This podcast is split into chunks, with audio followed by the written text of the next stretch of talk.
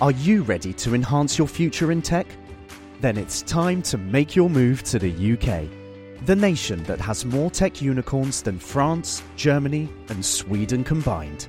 The nation that was third in the world to have a $1 trillion tech sector valuation.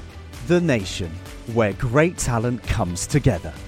Visit gov.uk forward slash great talent to see how you can work, live, and move to the UK.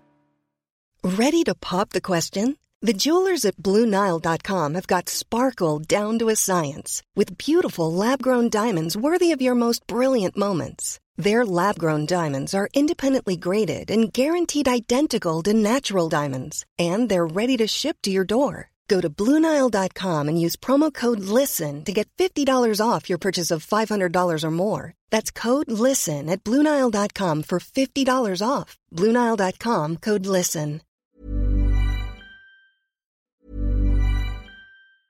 When you're ready to pop the question, the last thing you want to do is second guess the ring. At BlueNile.com, you can design a one of a kind ring with the ease and convenience of shopping online. Choose your diamond and setting. When you find the one, you'll get it delivered right to your door. Go to Bluenile.com and use promo code LISTEN to get $50 off your purchase of $500 or more. That's code LISTEN at Bluenile.com for $50 off your purchase.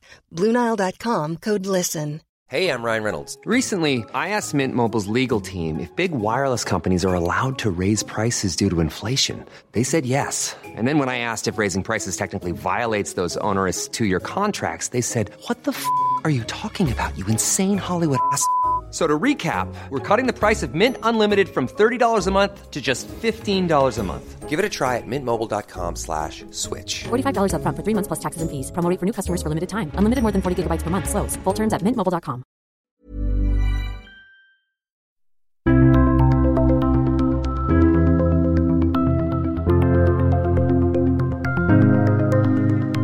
De siste årene har det vært store endringer i aktørbildet på norsk sokkel.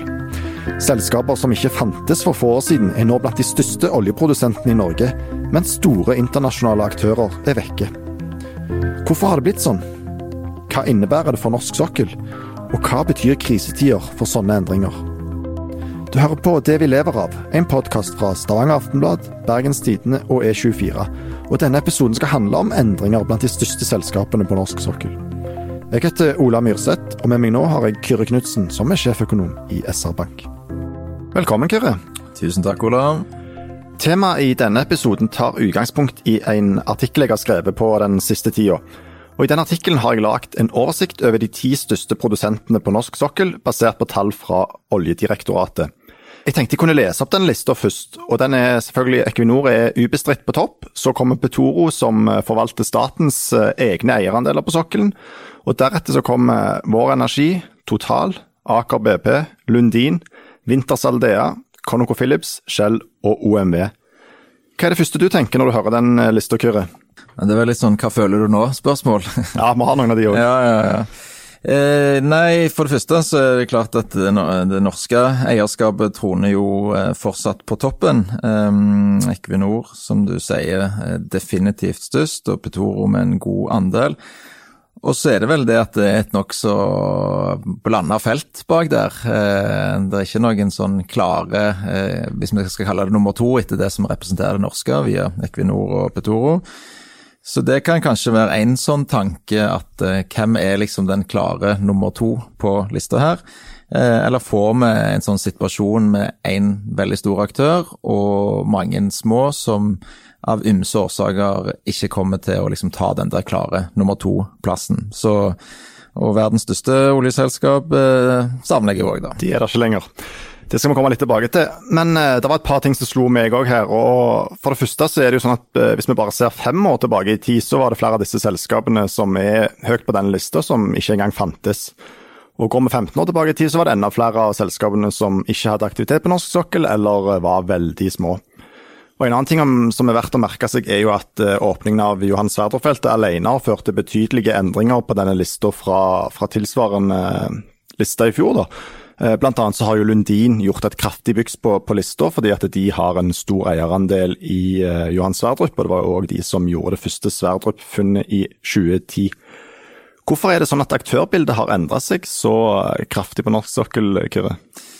Um, vi kan nok tenke oss at uh, Norge har jo lenge vært et attraktivt område. Um, um, siden vi fant olja i 1969, så har man jo òg hatt ulike sånne runder for å få inn aktører, og senest med leterefusjonsordningen på ja, begynnelsen av 2000-tallet, 15 år siden ca., for å liksom få et litt større aktørbilde.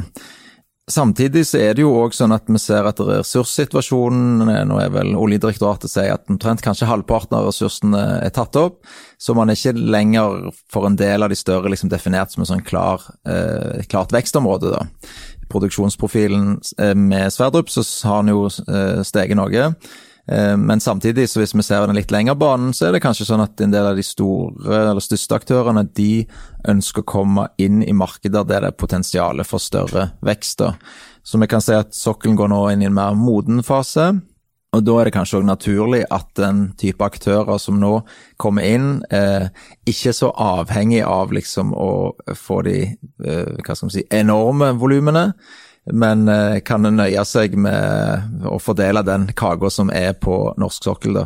Og Det kan jo for så vidt være bra for sokkelen òg. Altså, hvis du tenker Exxon f.eks., et veldig stort selskap som hadde en, en eh, betydelig posisjon i Norge. Eh, men for Exxon totalt sett så var det jo en liten posisjon.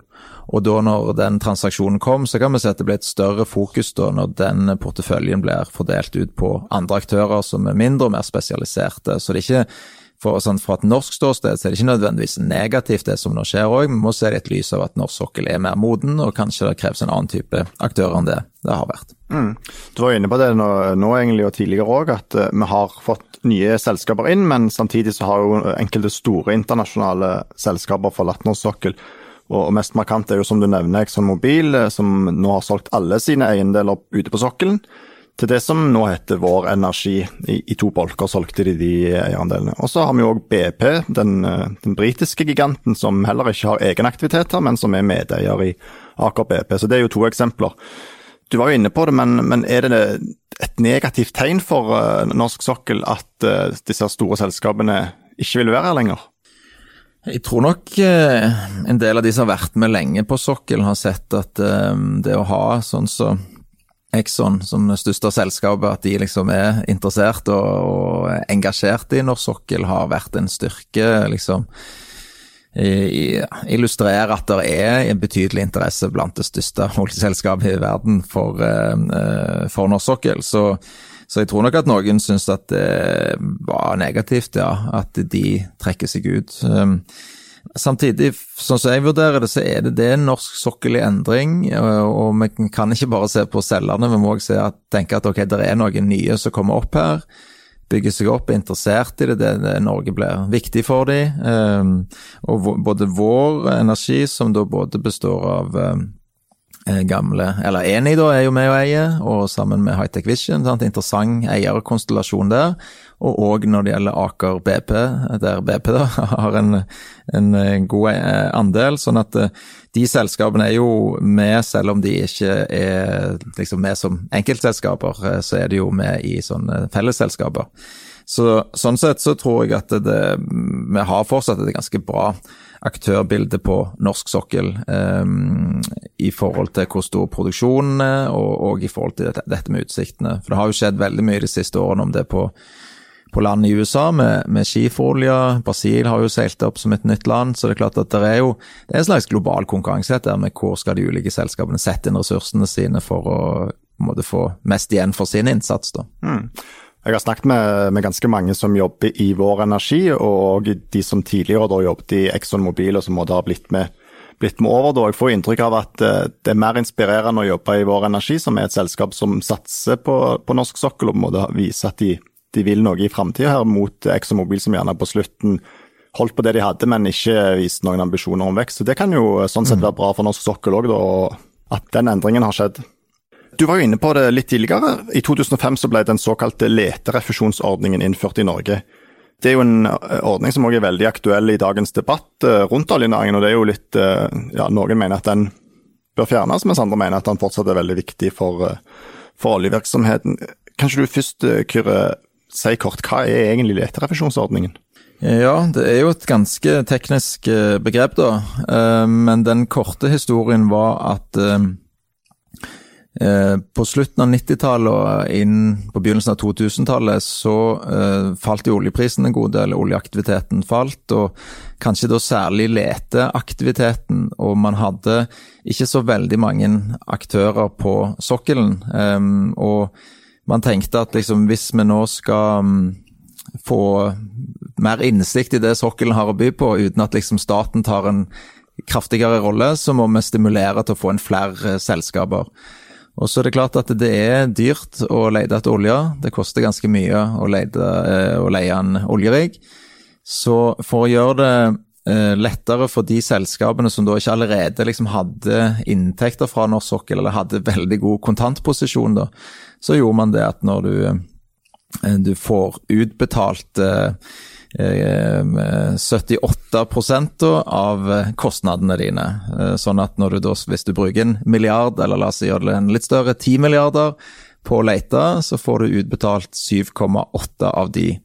Eh, og Det betyr jo da at eh, for å få en leteaktivitet på 10 milliarder, så koster det egentlig bare 2,2 milliarder. Og så er jo selvfølgelig dette for sel liksom, selskaper i, som er nye da på sokkelen, sånn at eh, med en gang du da kommer i balanse og du får inntektene, så har jo ikke leterefusjonsordningen sånn sett noen betydning. Da. Den er først og fremst for å gjøre det er lettere å komme inn og få flere aktører inn uten at de må ha med seg veldig mye kapital, som, ville, som var åpenbart en barriere for nye selskaper i en veldig kapitalkrevende bransje.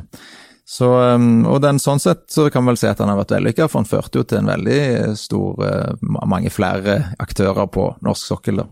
Mm. Så sånn så kan vi si at den, den, endringen var med å endre aktørbildet på, på norsk sokkel og gjøre at det ser annerledes ut i dag enn det gjorde tidligere? Ja, det er nokså klart det. Altså man bare, bare ser på antallet aktører og dynamikken på norsk sokkel.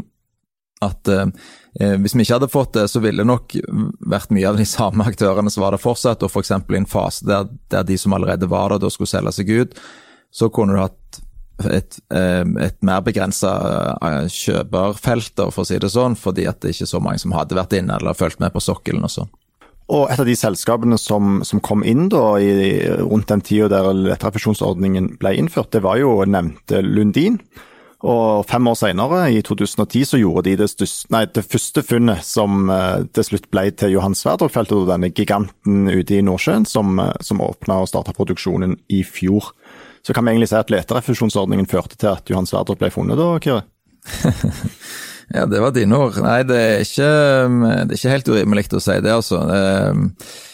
Man kan jo argumentere for at um, det, var litt tilfeldig at akkurat de som fant det, eller de vil nok si at de var de flinkeste, da, men uh, i forhold til hvem som fikk lov til å lete hvor.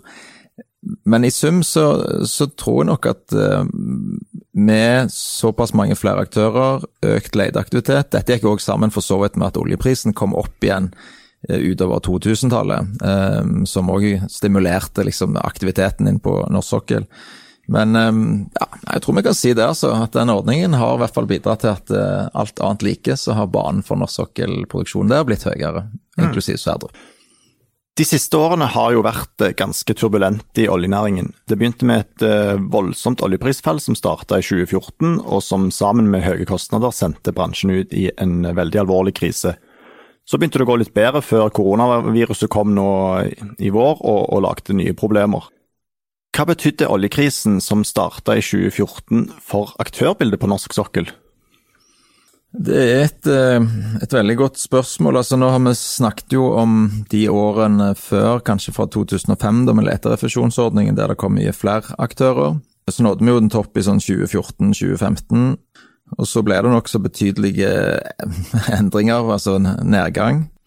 Og um, jeg tror nok at Altså, vi, vi, ser jo flere ting, men det ene er jo at det er noe bra med norsk sokkel. da. Norsk sokkel er, i og med at det er offshore, det er lange prosjekter, så er den litt mindre volatil. da. Altså, Det er litt mindre svingninger der, for prosjektene er lange.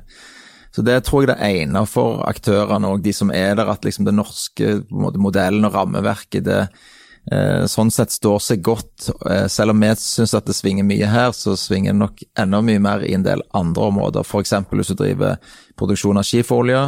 Der det tar kanskje et år eller halvannet eller to fra du liksom starter å lete til du har olje på plass. Så, da, så der er svingningene større. Um, men det ble jo et fokus på, på kostnader.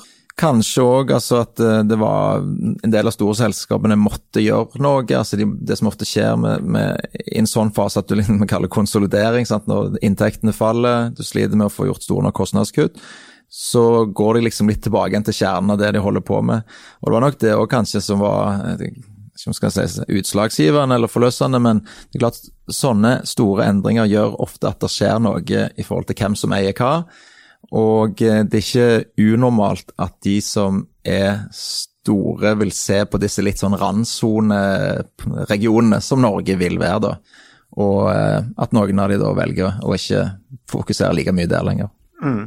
Og så er jo mange av de eh, selskapene som her nå har kommet opp de siste årene, sånn som Aker BP og Vår Energi, de er jo resultat av flere sammenslåinger og oppkjøp, egentlig.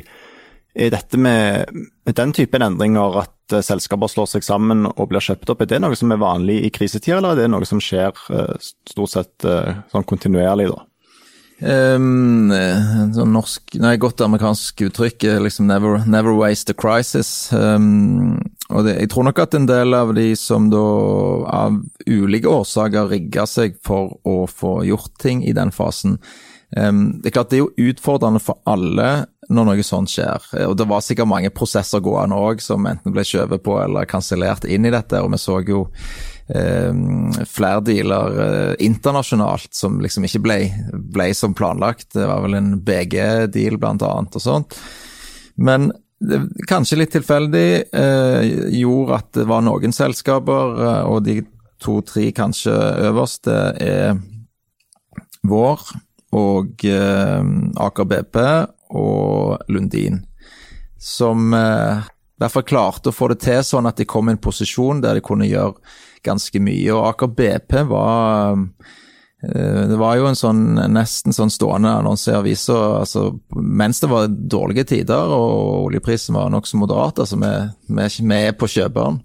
Um, så, men det er klart de hadde eier i ryggen som var villig til å satse, kapitalen var der, og da har du mulighet til å gjøre litt sånn motsykliske motsyklisk.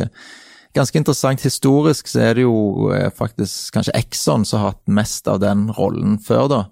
Og eh, i hvert fall sånn fra et norsk ståsted så var ikke akkurat det de gjorde denne gangen. Eh, de gjorde nok mer av det globalt, sånn som de har gjort òg, men, eh, men, litt den der motsykliske tankegangen gjør òg at eh, Eh, det blir bevegelser eh, når fallet ble så stort som det det ble, og noen ville ut, andre var klare til å stå inn. Det som kunne vært um, utfordringen for norsk sokkel her, var jo hvis på et vis alle var liksom litt mer synka, da. At når ting ble svakere, lavere inntekter, så ble det mindre interesse for å gjøre transaksjoner. Vi ser jo ofte liksom når krisen er på sitt verste, så er det vanskelig å gjøre transaksjoner. Men med en gang ting stabiliserer seg litt, så så er det mer bevegelse i markedet. Heldigvis så kom man over nokså raskt i en fase der det faktisk var mulighet til å snakke sammen etter hvert for gjort deals. Som nevnt eh, så står jo oljebransjen eh, midt oppe i betydelige utfordringer nå òg, med, med, koronaviruset, og det har jo skapt problemer for, for alle deler av samfunnet og næringslivet.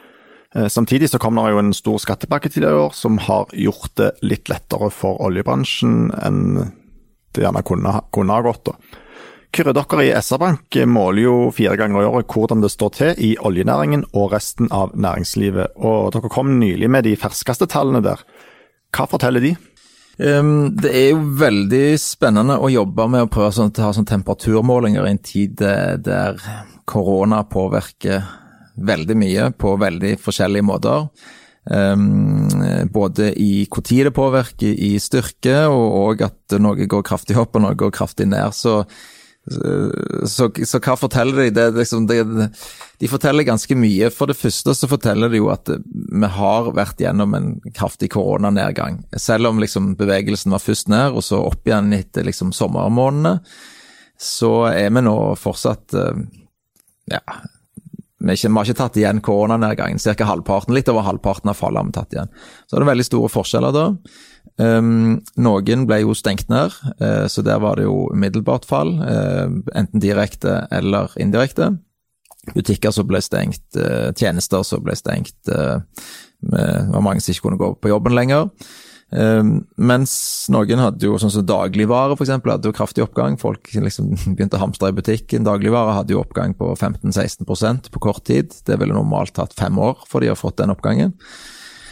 Industrien, oljerelaterte, hadde jo ordreserver, så det var uh, utfordringen i begynnelsen var å få produsert uten at liksom, du fikk koronasmitte inn i produksjonen uh, blant folk. Og så det andre som eh, var veldig spesielt, som en sa til meg, var at uh, Husk at når korona traff oss, så var vi allerede sånn halvveis krisemodus. Vi hadde hatt oljekrisen bak oss, som gikk veldig raskt inn i krisehåndtering.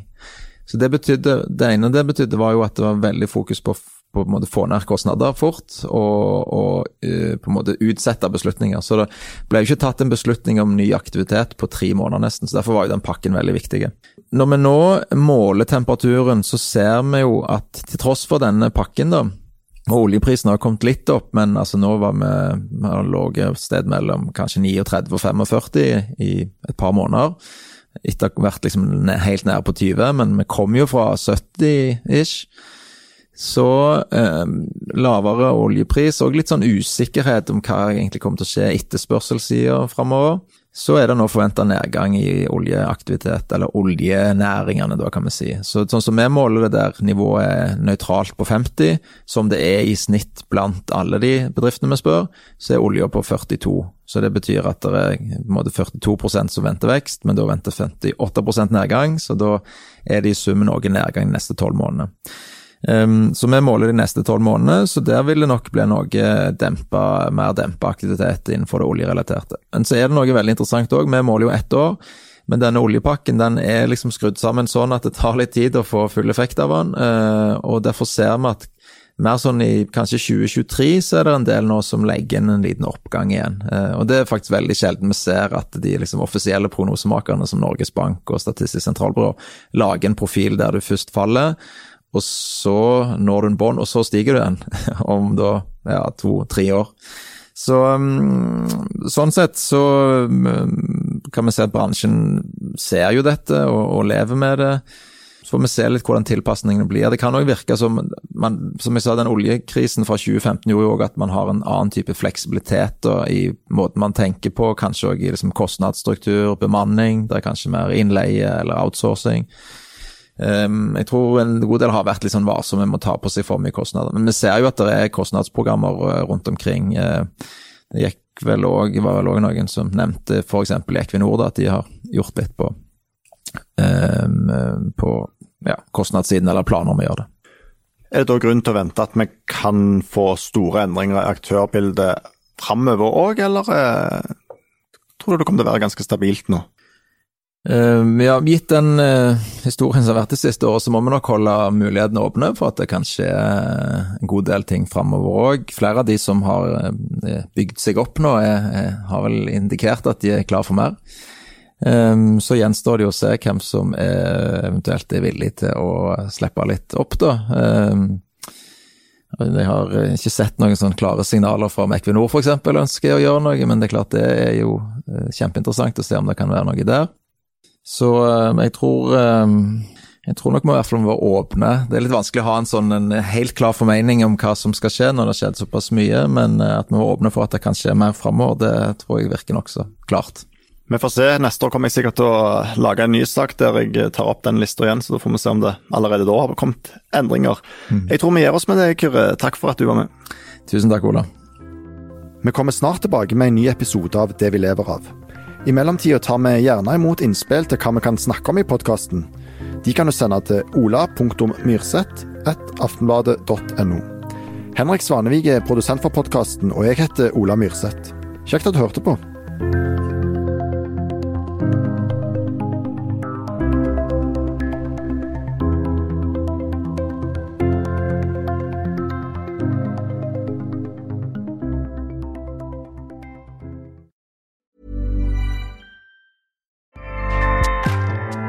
ACAST powers the world's best podcasts. Here's a show that we recommend. Hey guys, welcome to Giggly Squad. a place where we make fun of everything, but most importantly, ourselves. I'm Paige DeSorbo. I'm Hannah Berner. Welcome to the squad. Giggly Squad started on Summer House when we were giggling during an inappropriate time. But of course, we can't be managed. So we decided to start this podcast to continue giggling. We will make fun of pop culture news, We're watching fashion trends, pep talks where we give advice, mental health moments. and games and guests. Listen to Giggly Squad on ACAST or wherever you get your podcasts. ACAST helps creators launch, grow, and monetize their podcasts everywhere. ACAST.com.